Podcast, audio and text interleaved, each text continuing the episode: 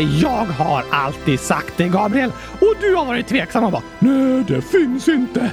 Vad pratar du om, Oskar? Kylskåpsplaneter? Nej, nej, nej, nej, nej, nej, nej.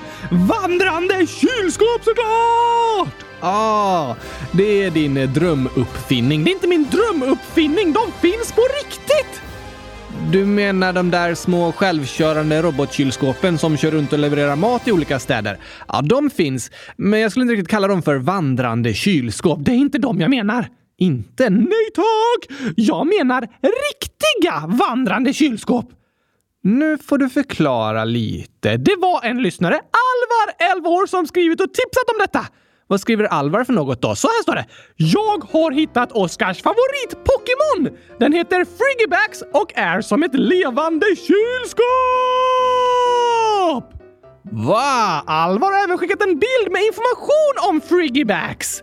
Okej, okay, den är 0,5 meter lång och väger 17 kilo. Och så står det denna kyliga lilla drakunge suger i sig värme och omvandlar den till iskall energi inuti sin kropp. Sen skjuter den ut kylan ur sin ryggfena. Frigibax fungerar alltså som ett sorts levande kylskåp. Står det så? Ja, det står exakt så, Gabriel! Äntligen har vi upptäckt vandrande kylskåp! Oj, oj, oj. Tack Alvar för hjälpen! Jag har väntat på den här upptäckten i hela mitt liv. Det var faktiskt ganska tokigt med en kylskåps-Pokémon. Det finns vandrande kylskåp på riktigt, Gabriel! Ja, eh, du vet att eh, Pokémons är påhittade, va? Vad sa du? Pokémons finns inte på riktigt. De är liksom påhittade spelfigurer. Ja, det är Pokémon-kort som handlar om olika djur som bor i djungeln någonstans. Nej, alla olika Pokémons är påhittade. Vadå påhittade? Det är inte fakta om djur som finns på riktigt. Så det finns inga Pokémons i verkligheten? Nej då, Oskar. Så att Friggybacks är som ett vandrande kylskåp är också bara påhittat. Ah! Går det inte att tro på någonting här i världen? Alltså, jag tror knappt någon som spelar Pokémon tror att de finns på riktigt. Det är påhittade figurer i ett spel. Men jag vill hitta en Freebax! Jag vill ha ett vandrande kylskåp, Gabriel! Jag förstår det, Oskar. Men om du spelar Pokémon Go, då ser du ju liksom hur Pokémons finns på olika platser i verkliga världen genom mobilens kamera. Så om jag filmar en park med mobilen så ser det på skärmen ut som det står en Pokémon i den parken. Till exempel, ja. Där skulle du kunna gå på jakt efter ditt vandrande kylskåp. Bra idé! Finns det många Friggybags i Pokémon Go? Um, nej, tydligen ska det vara en väldigt ovanlig Pokémon att hitta. Så du kommer nog behöva leta ett tag, Oskar. Jag ska gå på jakt efter Friggybags, a.k.a. vandrande kylskåps-Pokémonen! Låter som din nya favorit-Pokémon. Ja, tack såklart! Vem vill inte ha ett vandrande kylskåp? Jag klarar mig ganska bra utan tror jag. Men tack igen för tipset Alvar. Om eh, du vill ha vandrande kylskåp i verkligheten dock, Oskar, tror jag du får ta och uppfinna dem själv. Det ska jag göra! Ja, du har sagt det. Och på dagens avsnittsbild ser ni när jag rider på en Friggybax, alltså på ett vandrande kylskåp. Alltså, det låter tokigt. Därifrån hälsar jag passande nog kallt välkomna till kylskåpsradion. Det låter bra. Här kommer Gurkagängen.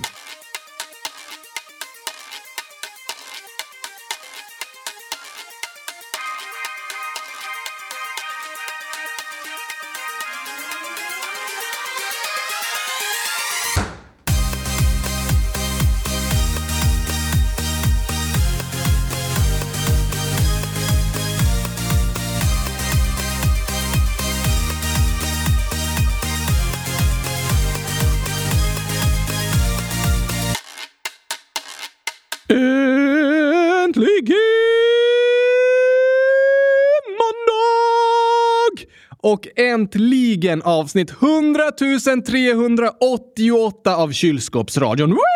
18 centum! Det är det idag. Hur har det gått med brännsåren? Väldigt bra, tack. Jag var röd på huden på knät i ett par dagar, men smärtan försvann efter en dag, så det var skönt. Ibland när en skadar sig så kan det göra jätte, jätteont, men sen så läker kroppen väldigt snabbt och bra. Ja, det är fantastiskt hur bra kroppen är på att läka igen. I många fall. Huden kan läka ihop när vi skurit oss och brutna ben kan bli bra igen, även om det tar ett tag. Ibland kan vi behöva hjälp från sjukvården också, som liksom hjälper kroppen att läka ihop på bra sätt så snabbt som möjligt. Just det! Det är väldigt, väldigt jobbigt att skada sig och bli sjuk, men det är hoppfullt att kroppen kan läka och det kan bli bättre igen. Ja, tack! Lite senare i dagens avsnitt ska vi dock prata om hur det kan kännas om någon är sjuk under lång tid. Okej? Okay? Men först en fakta här som jag tror du kommer gilla, Oskar. Vilken då? I förra avsnittet så pratade vi lite om värmerekord och skiftande temperaturer och under delar av historien så har det varit väldigt kallt på jorden. Va? Och Vair, ett år, skriver “För 100 000 år sedan började den senaste istiden, ungefär.” 100 000 år sedan! Yes, var hela världen ett kylskåp för hundratusen år sedan? Vilken fantastisk fakta, Gabriel! Bästa möjliga kombinationen! Tack Vair för den. Kylskåp och hundratusen. När jag blir stor ska jag bli forskare och forska om istiden. Alltså, det låter spännande. Vad är ens en istid? Jo, genom historien så har klimatet förändrats på jorden och istider har kommit och gått. Kan isen gå? Jag visste inte att isblock hade ben. Som vandrande kylskåp. Nej då, Oskar. Jag pratar inte om isblock med ben. Men du sa ju att istiden kommit och gått. Ja, inte gått med ben utan kommit fram och tillbaka. Hur rör sig isen? Den rör sig av att klimatet blir kallare så att fler områden täcks av is. Ah, du menar så? Om det är kallt så fryser ju vattnet i sjöar och hav till is och vattnet som kommer ner från himlen är i form av snö och det kan också sen hjälpa till med att bilda ett tjockt istäcke på marken. Är det fortfarande istid på Antarktis? Um, kan man kanske nästan kalla det. Där är det ju is året om. Vid Nord och Sydpolen är det så kallt att isen aldrig smälter och under istiderna har det varit liksom sånt klimat, men över större områden av jordklotet. Aha! Jag läser lite i en artikel skriven av Historiska museet här som berättar om att eh, åtta längre istider har passerat under den senaste miljonen år. Den sista för hundratusen år sedan! Det har du lärt dig idag. Det kommer jag aldrig glömma. Nej, men den började för ungefär 100 000 år sedan. Stannade isen kvar länge sedan? Det gjorde den.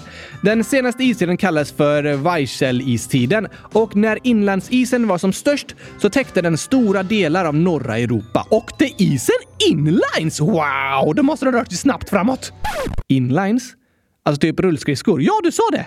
Eh, nej, nej, jag sa inlandsis. Inlinesis! Nej, inland is. Inland, inlandsis. Alltså när det inte bara är vattnet i havet som är fruset, alltså att eh, isen ligger på vatten, utan att land är täckt av tjock is. Aha, inland! Idag finns det inlandsis på Antarktis och Grönland, så marken är täckt av is där. Det är den. Det finns även massor av is i form av glaciärer uppe i bergen. Är det snö som blir till is? Precis. När det snöar mycket och snön aldrig smälter bort, då trycks snön ihop mer och mer tills det blir som ett tjockt isblock som täcker marken. Åh!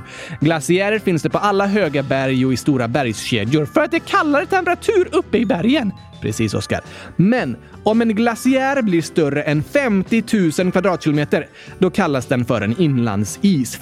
50 000 kvadratkilometer? Hur stort är det? Det är ungefär som hela södra Sverige, från eh, Malmö nästan ända upp till Göteborg. Aha! Ah, om det är en så stor is, då kallas det för en inlandsis. Och idag finns det inlandsis på två platser på jorden, Grönland och Antarktis. Där är det kallt! Väldigt kallt. På Grönland täcker isen en yta på 1,7 miljoner kvadratkilometer. Nästan fyra gånger så stort som Sverige. Vad mycket is! Väldigt mycket, men ändå lite i jämförelse med Antarktis. Där täcker inlandsisen 14 miljoner kvadratkilometer. What? Det är mer än tre gånger större än alla länder som är med i EU. Tre gånger större än Europa! Nej, hela Europa är ju inte med i EU, men ibland är det lite svårt att veta var man ska dra gränsen för världsdelen Europa. Så om vi räknar alla EU-länder så är isen på Antarktis mer än tre gånger så stor. 30 gånger större än Sverige. Ohohohoj! Men för hundratusen år sedan, var det sån inlandsis över hela Europa då? Nej, istiden började då, alltså den senaste istiden. Sen växte sig istäcket större och större och när det var som störst täckte det stora delar av norra Europa. Så över hela Sverige? Ja. Sen för ungefär 18 000 år sedan började den stora isen smälta, men det dröjde många tusen år innan hela Sverige hade blivit fritt från inlandsisen. Var det för att temperaturen steg? Precis. Klimatet blev varmare och varmare och isen började smälta. För ungefär 8000 år sedan, då var det som varmast i Sverige. Flera grader varmare än idag till och med. Aha! Gick det inte att bo i Sverige när landet var täckt av is? Nej, det var svårt. Men när isen började försvinna så började fler och fler människor flytta hit. För då gick det att odla gurkor. Eh, det var ingen som började odla gurkor då. Hur vet du det? Alltså, jag var inte där, men gurkorna började odlas senare. Aha. Har det varit någon mer istid i Sverige? Alltså efter det, nej, men från 1400 till 1800-talet, då var det kallare i stora delar av Europa. Blev marken täckt av is? En del av marken. Glaciärerna växte och många människor hade problem med sina odlingar som blev dåliga. Det kallas för missväxtår. Att det inte växte bra? Nej, precis. Den perioden kallas ofta för den lilla istiden. Så klimatet har ibland varit varmare och ibland kallare genom historien? Ja, så är det. Och det är en del som försöker använda det som argument mot klimatförändringarna. Som säger att temperaturen på jorden har alltid gått fram och tillbaka. Har den inte det då? Jo, det har den. Men det är under längre tidsperioder. Som istiden som började för 100 000 år sedan. Och sen var isen som störst ungefär 80 000 år efter det. Det är lång tid! Verkligen. De senaste åren är det inte bara naturliga temperaturförändringar utan temperaturen ökar väldigt snabbt på grund av användningen av fossila bränslen som eh, ökar koldioxidhalten i atmosfären atmosfären. Håller alla forskare med om det? Eller är det vissa som tror att det fortfarande är de vanliga förändringarna som sker ibland i klimatet? Det finns fortfarande några som påstår det, men efter att ha jämfört 54 000 vetenskapliga artiklar så är det en forskare som kommit fram till att 99,94 procent av alla forskare håller med varandra om att klimatförändringarna är orsakade av oss människor. 99,94 4 procent! Det är väldigt många. Ja, när det kommer till frågan om global uppvärmning så är forskarvärlden på sätt och vis mer överens än i nästan någon annan fråga. Men eh, det finns många som inte vill tro på det forskarna säger och inte vill ta klimatförändringarna på allvar. Det är många barn som säger till vuxna att ta klimatförändringarna på större allvar. Det är det många som gör. Och det är många av er lyssnare som skriver och har frågor och funderingar om det också. Alla frågor är okej! Okay. Ja, det här är ett ämne som diskuteras väldigt mycket och som många går runt och tänker mycket på, som gör många oroliga. Så det är superbra att ställa frågor om. Allt som oroar en är bra att ställa frågor om. Verkligen. Men jag har i alla fall lärt mig att för hundratusen år sedan var Sverige ett gigantiskt kylskåp. Vilken fantastisk tid, Gabriel! Istiden började ju då, så Sverige hade inte hunnit bli helt täckt av is än. Men ja, lite kul att det började hända för hundratusen år sedan. Jag önskar att jag levde då. Vill du leva i en istid, Oskar, kan du flytta till Antarktis. Okej, okay, det ska jag göra. Det kommer vara väldigt kallt. Jag känner ingen kyla. Sant. Jag kommer nog inte flytta med dock. Vi kan podda på distans. Alltså, jag kan ju podda själv eftersom jag är din röst. Ja, vi får tänka på saken. Ja tack! Men på tal om istider kommer här lite skämt om is. Alltså, det låter isigt. Precis, du menar precis? precis.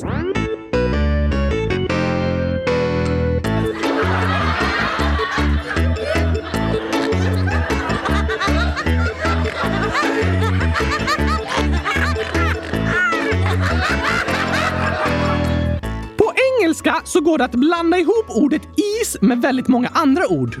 Okej, okay, ordet ice alltså. Ja tack! Till exempel när man hälsar alla en isig dag. En isig dag? Ja! Have an ice day! Have a nice day. Nice betyder typ eh, bra. Det är många som använder ordet på eh, svenska också, alltså när de pratar svenska. Det är det. Så ha en bra dag heter have a nice day på engelska. Men låt som de säger ice day. Have an ice day. En isig dag är en riktigt bra dag, tycker jag. Det tycker du om det är frusen gurka. Eh, ja, inuti en friggybacks. Just det. Tror du friggybacks är fyllda med frusna gurkor? Garanterat. Kanske. I alla fall har de isbitar som ögon. Va? Ja tack, för de pratar engelska. Nej, nu förstår jag ingenting. Ice! Ah, isögon! Is och ögon heter likadant på engelska. Ice och ice. Precis. Jag vill ha engelska ögon. Vill du ha isbitar som ögon? Såklart! Det låter ju tokigt. Men vad är det för likhet på en isbit och en människa som blivit sjuk i covid-19? Oj, ehm... covid-19 kan ju orsaka feber, men det är ju typ motsatsen till en isbit. Eh, det handlar om vad båda är. Vad båda är? Nej, jag har ingen aning. Båda är isolerade. Om du sitter i karantän så är du isolerad. Som en isbit. Isolerad menar du? Nej, det har ingenting med is att göra. Det låter så. Ja, det håller jag med om. Men vet du varför uppfinnare som försöker komma på nya uppfinningar tycker om att sätta sig på en frusen sjö? Ute på isen? Ja, tack! Hmm, är det en lugn plats ute i naturen som gör det lättare att tänka? Nej tack! Har det något med att det är kallt att göra? Näpp! Nähä. Eh, då får du berätta. Varför sitter uppfinnarna ute på en frusen sjö? För de hoppas på ett genombrott! Fast de vill ju inte att isen bryts sönder. Nej, då blir de blöta och väldigt kalla. Men värst är att bli blöta. Tycker du? Men när det blir vår, då kan det bli fler genombrott för uppfinnarna.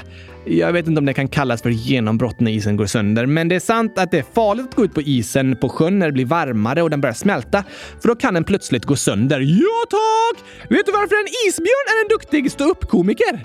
Nej, ingen aning. Han är bra på att bryta isen. Att bryta isen brukar man säga när man liksom lättar upp stämningen om det är lite stelt och kallt. Och isbjörnar är bra på att bryta isen. Det kan de vara. Men varför är deras ungar så gulliga? Isbjörnsungar? Eh, de ser väl gosiga ut med pälsen och så. Det också, men jag tänker på en annan anledning. Okej, okay. en ordvits. Ja, såklart. Gulliga isbjörnar. Eh, för att de ser ut som nallebjörnar. Nej tack! Då vet jag inte. De är så snöta!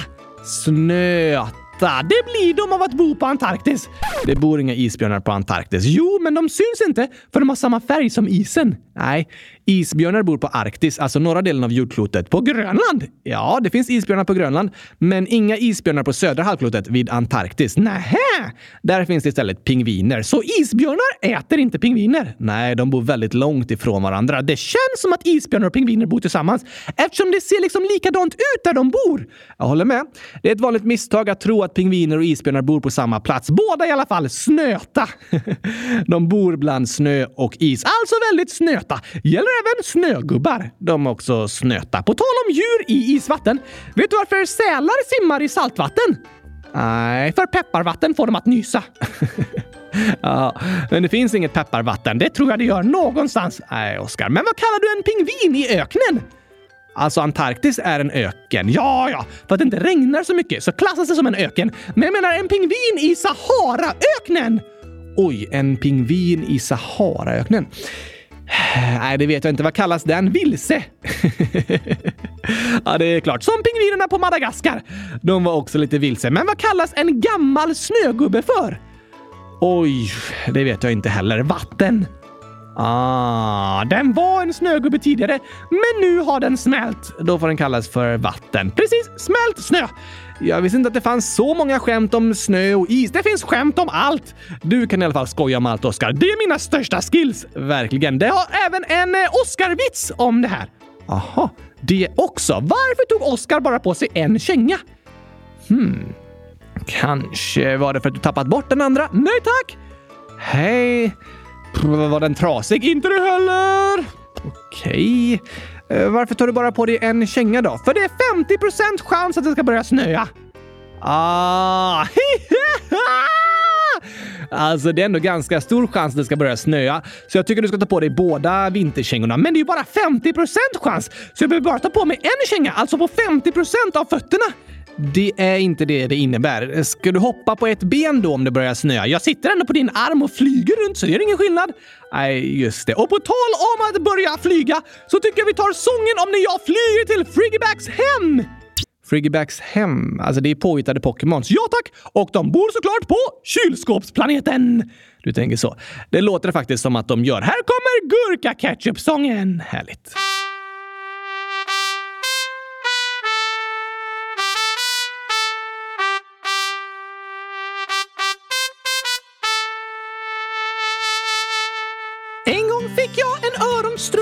Låtsas julklappspresent Jag satte den på min ryggsäcksrumpa och sa massa vattniga skämt. Men sen fick jag en glasidé om hur man får en babianstruts att le. Så lyssna på mitt nya tystnadstjut. Jag vill ha gurka-ketchup till mitt spaghetti monster. Fråga Solskens farmor så vi kan fjompa. Lyssna på Hoppa Dompa, spela på ankrumpeten tills vi helt sturkna flyger hem till kylskåpsplaneten. Och vi flyger hem till kylskåpsplaneten.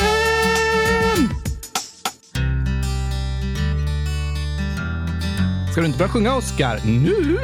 Ja, um, kompet kör en vers till. Ah, nej, nej, jag orkar inte. Vi kör tystnadstjutet. Tyst! En, två, tre, fyra, åtta, elva, femton, sjutton, tjugo, åttio, femtio, nitton. Hur långt ska du räkna egentligen, Oscar? Till hundratusen såklart! Innan tystnadstjutet kommer igen. Ja, tack. Det är så tråkigt att alla alltid bara orkar räkna till fyra. Okej, men det kommer ta väldigt lång tid. Det tar ännu längre tid om du avbryter mig hela tiden. Ah, det har du rätt i. Kör eh, på då. Uh, 70 000, 60, 18, 19, 30, 40, 20. Jag har gått till alla husen. Nu jag kom till 100 000! Äntligen. Jag vill ha gurka ketchup till mitt spagetti-monster. Fråga Solskens farmor om hon har ett glassflygplan med lite hallongrodor så vi kan fjompa och lyssna på Hoppa Dompa. Spela på ankrumpeten tills vi helt sturkna flyger hem till kylskåpsplaneten. Oh, bo. Vi ska fjompa, lyssna på Hoppa Dompa. Det här en sång med knasiga ord om glassflygplan och gurka-ketchup på ett bord. Bokstäver i konstiga kombinationer, inget värt att lära sig på skolans lektioner. Kanske tänker du så om allt du säger, det kvittar väl, det är bara knasiga grejer. Men ord har makt, de spelar roll. Kolla bara på alla internettroll med bokstäver placerade i en särskild följd skapar de hat och kaos hemma från sin fåtölj. Vad du säger är viktigt, dina ord gör skillnad och du själv får bestämma vad du skulle vilja att det du säger har för resultat. En kommentar kan skapa både kärlek och hat. Så kom ihåg, dina ord har makt och det är du som bestämmer vad du vill få sagt. Väldigt bra sagt, Oskar. Tack! Jag vet! Det är viktigt att tänka på. Men nu vill jag tillbaka till att sjunga om knasigheter. Jag vill ha gurka ketchup till mitt spagettimonster. Fråga Solskens farmor om hon har ett glasslikör med lite hallongrodor så vi kan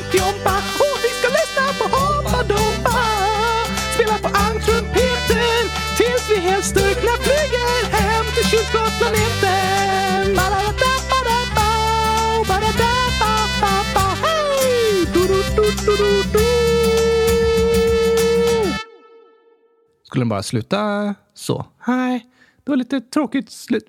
Vi- kör så här istället. Jag vill ha gurka ketchup! Fin sång, Oscar. En av de vackraste jag vet. I alla fall är den väldigt tokig. Tokigt är vackert. Det kan man tycka. Men du, jag sa att vi ska prata lite om hur det är att vara sjuk länge. Ja, just det! Ni som har lyssnat på podden i många år har tidigare hört mig berätta om min förvärvade hjärnskada som bland annat gjorde att det tog 12 år för mig att gå klart gymnasiet. Det är längre än för de flesta. Verkligen. De flesta brukar gå tre år på gymnasiet, men jag fick ta många studiepauser och studera på deltid under många år. Det var allt min hjärna klarade av. Det finns inga rätt eller fel, Gabriel. Skolan tar olika lång tid för olika personer och det är helt okej. Det är det. För våra liv ser olika ut och vi alla människor är olika. Och jag tycker det är väldigt bra när skolgången kan anpassas så att den passar alla våra olikheter så bra som möjligt. Jag behövde till exempel studera på distans själv hemma vid min dator för att min hjärna inte orkade vara i skolan. Aha, under pandemin? Nej, jag studerade hemifrån i typ tio år innan pandemin började. Sen gjorde jag tvärt emot resten av världen och började faktiskt studera på plats på en skola under andra delen av pandemin. Så när alla andra började jobba och studera på distans så gjorde du tvärtom? Ja, precis. Gillar du att vara tvärt emot? Eh, nej, inte så generellt. Men jag har under de senaste 15 åren tvingats leva lite annorlunda än de flesta andra. På grund av min skada och sjukdom. Idag är ju kylskåpsradion mitt jobb och vi har hållit på i fem år. Men nästan alla de åren har jag jobbat på distans. Alltså suttit själv hemma och jobbat. Jag är ju också här! Eh, ja, men du är liksom jag, Oskar. Hä? Det är jag som lånar ut min röst till dig och så. Ja, just det. Men att få sitta på en lugn och tyst plats och skriva det som fungerat bäst för mig. Men idag mår jag mycket bättre än jag gjorde för 12-13 år sedan. Så nu klarar jag även av att studera på universitetet. Wow! Det är faktiskt wow! När jag tvingades sluta på gymnasiet och ta en lång studiepaus på grund av min hjärnskada så tänkte jag att jag kommer aldrig kunna studera på universitetet. Jag gav upp den drömmen. Min hjärna klarade helt enkelt inte av det. Jag var tveksam till om jag ens skulle kunna lyckas ta studenten från gymnasiet. Men saker kan bli bättre. Det kan de. Och det är något väldigt hoppfullt. Idag mår jag bättre än jag kunde drömma om för 10-12 år sedan. Woohoo! Men det har tagit väldigt lång tid. Och det är något som kännetecknar utmattningssyndrom och skador på hjärnan. Att det behöver lång tid för att läka och återhämta sig. Det går inte att stressa fram och skynda återhämtningen. Det går liksom inte att eh, kämpa sig tillbaka. Nej, det handlar inte på något sätt om att kämpa lite hårdare. Det är faktiskt tvärtom. Det svåraste för mig var när jag bestämde mig för att sluta i min klass på gymnasiet. Det fanns inga andra alternativ, för jag var väldigt sjuk, men det var väldigt ledsamt och jobbigt att behöva säga hejdå till mina bästa vänner som gick i den klassen. Det förstår jag! Men det var också det bästa beslutet som jag har tagit, för det gav mig tid och utrymme att kunna börja bli frisk igen. Även om det tog ett år innan jag kunde börja studera lite igen och då studerade jag bara i 25 takt på distans i två år innan jag tog en paus igen i flera år. Så det gick långsamt framåt. Det gjorde det. Men eh, det fanns inte så många andra alternativ. För om kroppen är sjuk så kan du inte pressa den att bli frisk, utan den behöver tid att återhämta sig. Det är det som är väldigt svårt och jobbigt eftersom livet fortsätter fastän din kropp är tömd på energi. Ja, ah, just det! Det som var skönt för mig var att jag var ganska ung när jag fick min skada. Man kan säga att jag förlorade mycket av det som var min ungdom, men jag hade samtidigt möjlighet att ge mig själv tid att vila eftersom jag kunde säga upp nästan alla stora och viktiga ansvar. Till exempel bodde jag kvar hemma hos mina föräldrar i flera år efter min hjärnskada. Okej! Okay. För jag drabbades av något som kallas en förvärvad hjärnskada som jag fick efter en allvarlig hjärnskakning. Men de symptom som jag hade, och till viss del fortfarande har, är väldigt lika symptomen hos en person som blir utbränd och drabbas av utmattningssyndrom. Det känner jag igen! Det är något som många har drabbats av. Kanske känner ni som lyssnar en förälder, släkting, lärare, barnledare, tränare, musiklärare eller någon annan som har blivit så kallat utbränd. Har de bränt sig på kokande vatten? Typ som du gjorde förra veckan, Gabriel? Nej, det har ingenting med att bränna sig på något varmt att göra. Okej? Okay? Och begreppet utbränd används inte så mycket längre, utan det brukar kallas för utmattningssyndrom. Det var lite tydligare. Låter inte som en brännskada i alla fall. Nej, jag håller med. Men lyssnaren Stjärna, 100 000, eller ja, 14 år, skriver Vad händer i hjärnan när någon blir utbränd? Det var en bra fråga!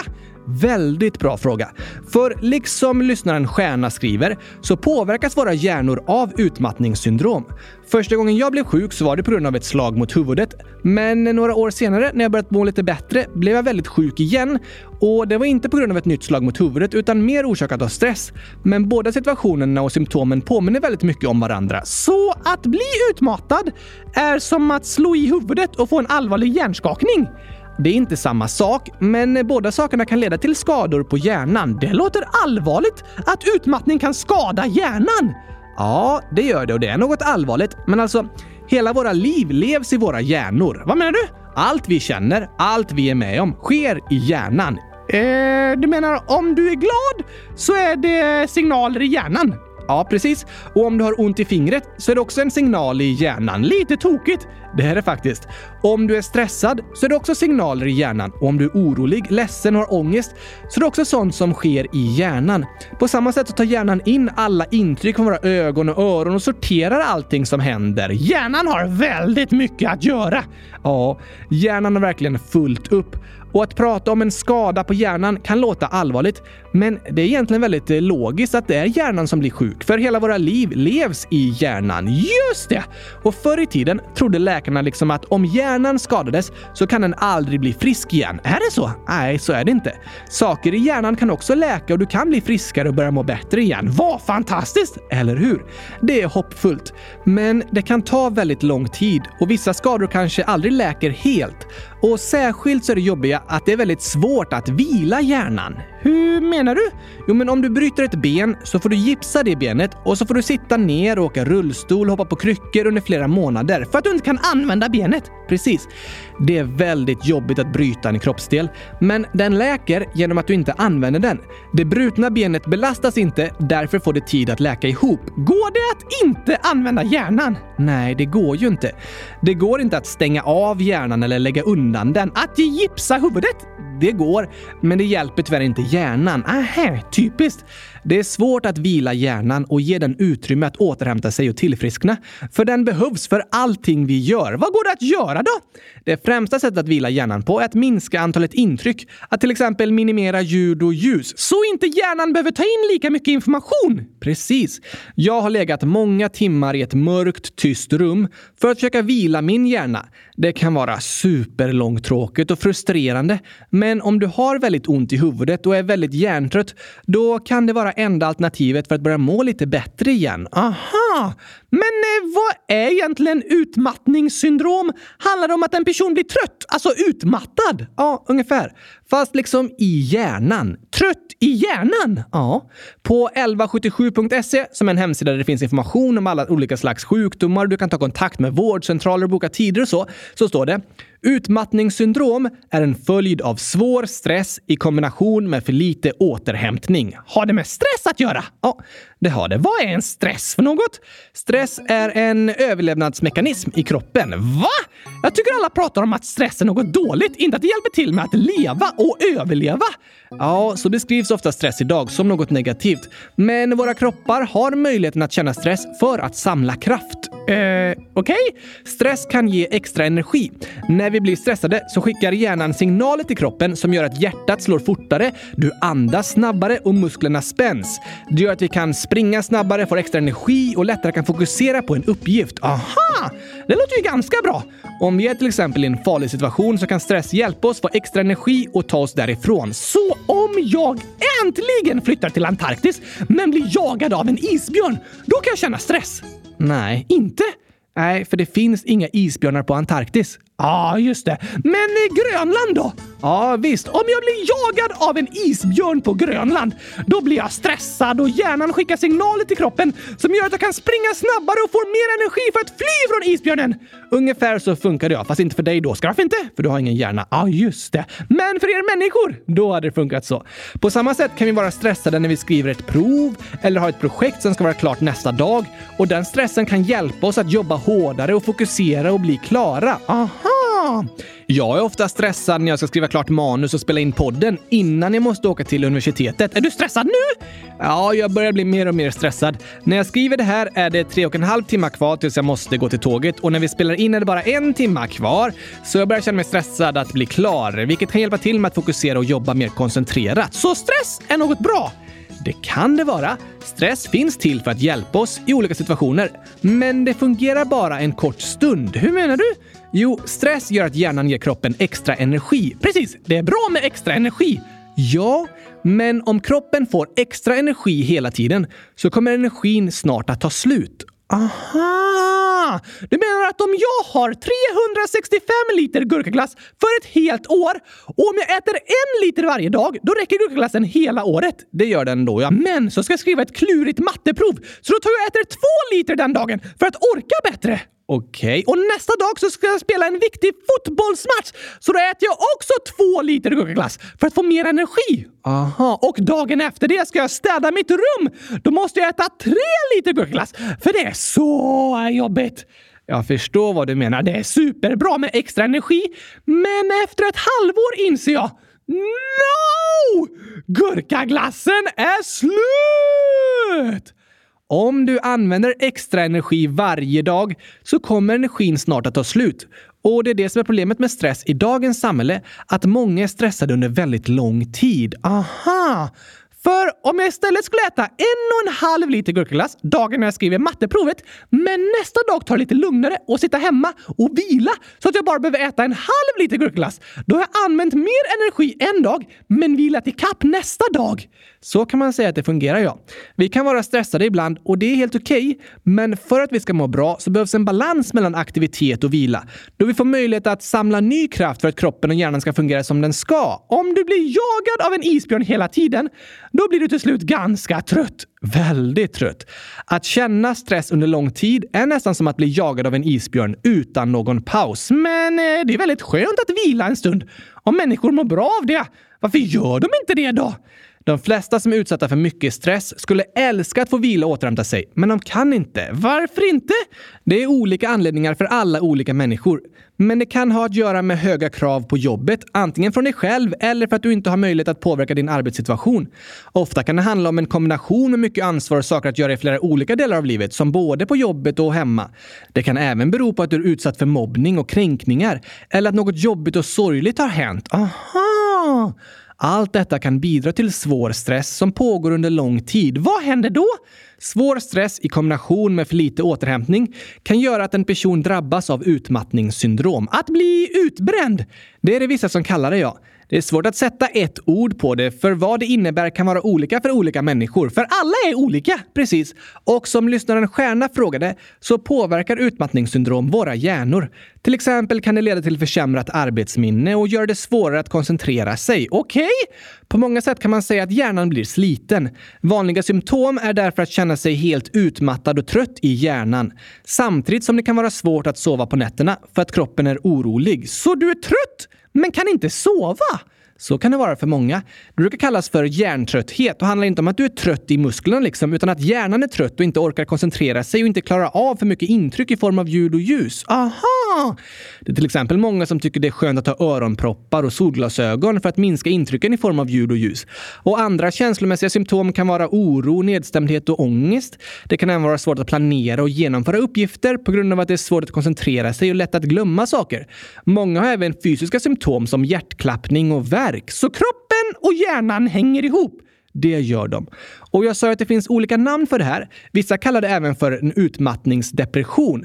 För det är många som får en depression när de drabbas av utmattningssyndrom. Men inte alla. Okej? Okay? Så benämningen utmattningssyndrom är den liksom bredaste beskrivningen. Men som alltid är det viktigt att komma ihåg att varje människa är unik och det är olika för olika personer. För alla är vi olika! Precis, Oskar. Och vi har ett till inlägg här från mamma Kami, 30 år, som skriver Hej! Jag undrar om ni kan prata lite om hur det kan vara och kännas att leva med utmattade och sjuka föräldrar, både för barnens och föräldrarnas skull. Och så vill jag hälsa till min dotter Ashley Gossas, sju år, som älskar eran podd och gurkaglass, att jag och pappa älskar henne så otroligt mycket. Mer än ord kan beskriva. Tack från två trötta och kämpande föräldrar. Tjena mors Ashley! Hej, vad roligt att du tycker om podden och vad gurkastiskt fint att höra att du älskar gurkaglass! Verkligen, men vilket bra och viktigt inlägg! Jag håller med. Det är många barn och många av er lyssnare som har föräldrar som är sjuka, till exempel har drabbats av utmattningssyndrom. Vad beror det på? Det går inte att säga ett svar som gäller för alla, för allas livssituationer är ju olika. Sant! Och det går att känna många olika känslor kopplade till de situationerna och det är helt okej. Okay. Ja, det är det. Dina känslor är helt okej. Okay. Men Gabriel, är utmattningssyndrom en smittsam sjukdom, typ som coronaviruset? Nej, det är det inte. Det kan vara bra att få veta. Så om du kramar en person som har mycket hjärntrötthet så kan det inte smitta så att du också får hjärntrötthet? Nej. På samma sätt som du inte bryter ett ben om du kramar en person som har brutit benet så är inte utmattningssyndrom en smittsam sjukdom. Skönt att veta! Absolut. Men ibland kan det vara så att föräldrar försöker dölja sjukdomar för sina barn, för de vill inte att barnen ska veta att de mår dåligt. Ja, för föräldrarna vill att deras barn alltid ska kunna be dem om hjälp och att barnen får känna att föräldrarna alltid finns där som stöd. Det är ju bra! Absolut. Men det kan göra att föräldrar ibland försöker dölja för sina barn om de mår dåligt. Men jag vet att ni barn är väldigt uppmärksamma och märker om en förälder inte mår bra. Därför är det många barn som är oroliga för sina föräldrar. Aha! Och då kanske vissa går och oroar sig för saker som inte alls kommer att hända. För man märker att något är fel och då börjar man tänka, tänk om det är det här, eller det här, eller något ännu värre. Så kan oro fungera. Att vi föreställer oss värsta tänkbara scenario, men det är väldigt sällan det händer. Väldigt sällan. Vad går det att göra då om en är orolig för en förälder? Då är det helt okej okay att fråga sina föräldrar. Du kan berätta din oro och så kan de få förklara hur det egentligen ligger till. Okej, okay. För när du är orolig så är det väldigt skönt att få veta hur saker egentligen ligger till. För när du är orolig så är det väldigt skönt att få mer fakta om situationen. För då kanske den värsta oron kan gå över. Det har du rätt i! Då kan du få förklarat om det handlar om en särskild sjukdom, vad sjukdomen heter och vad den innebär för föräldern. Det kan även vara skönt att få veta vad läkaren heter och vilken behandling föräldern får för att må bättre. För att få veta att föräldern får hjälp. Just det, det är hoppfullt! Det är det. Som barn är det lätt att ta på sig ansvaret för sina föräldrar. Så att få veta att någon tar hand om ens föräldrar om de är sjuka är väldigt bra. Det är helt okej okay att fråga om. Ja, det är det. För vi barn är du barn! Alltså, jag har inga egna barn, så jag får väl ändå fortfarande räknas till barnsidan, inte föräldrasidan. Jag bodde trots allt hemma hos mina föräldrar hela sommaren. Ja, fast du är lite för gammal för att kallas för barn, Gabriel. Men jag är ju fortfarande ett barn till mina föräldrar. Mm, visst. Och alla vi barn, då menar du alla människor? Ja, alla är eller har varit barn någon gång. Alla kan vi vara oroliga för våra föräldrar. Mina föräldrar betyder mycket för mig och en trygg punkt och jag älskar dem. Så såklart är jag orolig för att något ska hända med dem. Just det! Därför är det skönt att få veta hur de mår och om de får hjälp av sjukvården för att må bättre. Så att jag kan känna mig mindre orolig. Det är helt okej okay att fråga om. Ja. Och från föräldrars perspektiv är det helt okej okay att berätta för barnen om olika sjukdomar. Ja, tack! Men sen som barn kan det även vara vanligt att känna skuld när en förälder mår dåligt. Varför det? För att vi barn lättar på oss ansvaret för våra föräldrar. För att vi vill att de ska må bra. Aha! Men det är aldrig ditt fel att din förälder är sjuk. Aldrig? Nej, det är aldrig ett barns fel. Tyvärr kan människor bli sjuka. Det kan drabba alla, även föräldrar.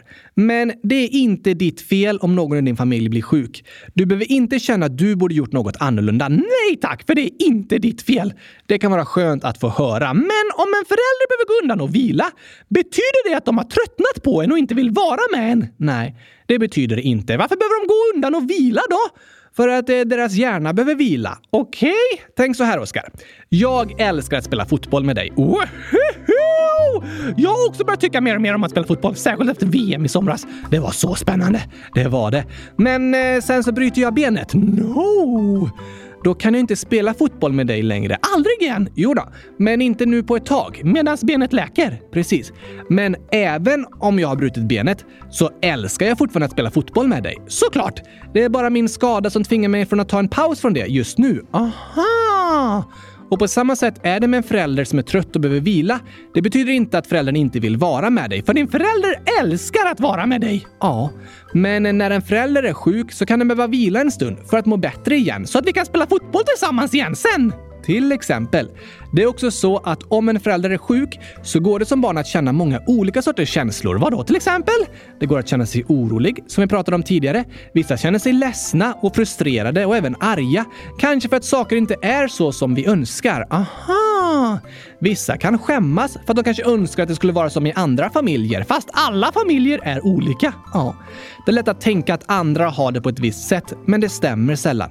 Men det är ändå lätt att känna sig annorlunda och skamsen. Jag kan skämmas ibland för att det tog mig 12 år att gå klart gymnasiet. Fast du var ju sjuk, Gabriel! Och du gjorde ditt bästa utifrån din situation. Precis, det gjorde jag. Och det får jag säga till mig själv med min röst. Just det. För att vara sjuk är inget att skämmas för. Nej tack! Men ändå är det många som kan känna sig ledsna och frustrerade över situationen de är i. Jag var väldigt ledsen när jag var sjuk, men jag kände att det liksom var fel att vara ledsen. Varför det? Jag tänkte att jag borde vara stark och tänka positivt och inte vara ledsen. Aha! Men det gjorde bara att jag mådde ännu sämre. För jag stängde liksom känslorna inombords. När jag senare fick hjälp av sjukvården så var det liksom okej okay att vara ledsen. Det var okej okay att vara sjuk och jag behövde inte låtsas som något annat. Och först då kunde jag börja må bättre. För att jag var ärlig mot mig själv och accepterade mig så som jag var. Det är viktigt! Ja, det är det. Och det vill jag säga till alla er som lyssnar, att dina känslor är okej. Okay. Du behöver inte stänga dem inom dig och låtsas som att de inte finns. Nej tack! Om du är orolig behöver du inte låtsas att du inte är orolig. Istället är det skönt att få ställa frågor och berätta om vad du oroar dig för. För kunskap är ett botemedel mot oro. Ja, det kan hjälpa oss känna att vi har bättre kontroll över situationen och det minskar vår oro. Och om du är ledsen behöver du inte låtsas som att du inte är ledsen. Det kan göra allt ännu värre. Ja, det gör en ofta ännu mer ledsen. Men det är jätteviktigt att du som barn känner att du kan berätta vad du känner och att du känner att det är okej okay att be om hjälp. För vad du känner är viktigt. Det är det. Och dina föräldrar vill att du berättar vad du känner, även om de skulle vara trötta. Ja, tack! Och ibland kan det vara skönt att få prata med någon utanför familjen också för att få stöd och hjälp. Vilka då till exempel? Det kan vara släktingar, grannar, vänner, ungdomsledare, lärare, skolsköterskor, andra inom sjukvården, socialtjänsten, BRIS och så vidare. Det finns hjälp och stöd att få. Ja, det gör det. Så att du uttrycker vad du känner är väldigt bra och viktigt, för då kan det bli bättre. Ja, tack! Det händer inte alltid direkt, men kan vara ett första steg. Det kan vara klurigt det här med sjukdomar. Det är det, eftersom de påverkar våra liv väldigt mycket. Men det viktigaste vi vill att du ska veta, som jag säger hundratusen gånger i varje avsnitt, är att du är bäst i test. Precis så som du är. Det gäller såväl barn som vuxna som lyssnar. Är det många föräldrar som lyssnar?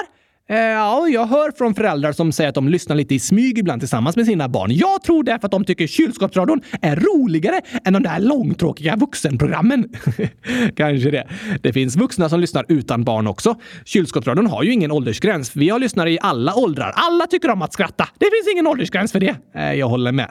Även om det är ganska många barn som berättar om att deras föräldrar har tröttnat lite på din röst, Oskar. På min röst? De tycker ofta den är lite skrikig. Oj, Eh, jag menar, på min röst? Nu är den lite lugnare igen. Ja, tack.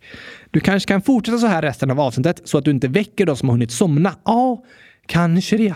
Fast hur ska jag kunna läsa upp födelsedagshälsningar med en så lugn röst? Det är en bra fråga. Jag växlar upp i full fart igen, för nu är det dags för lite gratulationer! Det passar nog faktiskt då. Vi ber om ursäkt om vi råkade väcka någon. Ja, tack! Förlåt, förlåt, förlåt! Nu har nog alla vaknat. Och jag ska även be om ursäkt för en försenad födelsedagshälsning som jag upptäckte i våran mailinkorg. Förlåt igen! Så här står det. Hej Gabriel och Oskar! Vår fantastiska son och bror Folke fyller åtta år den 10 september.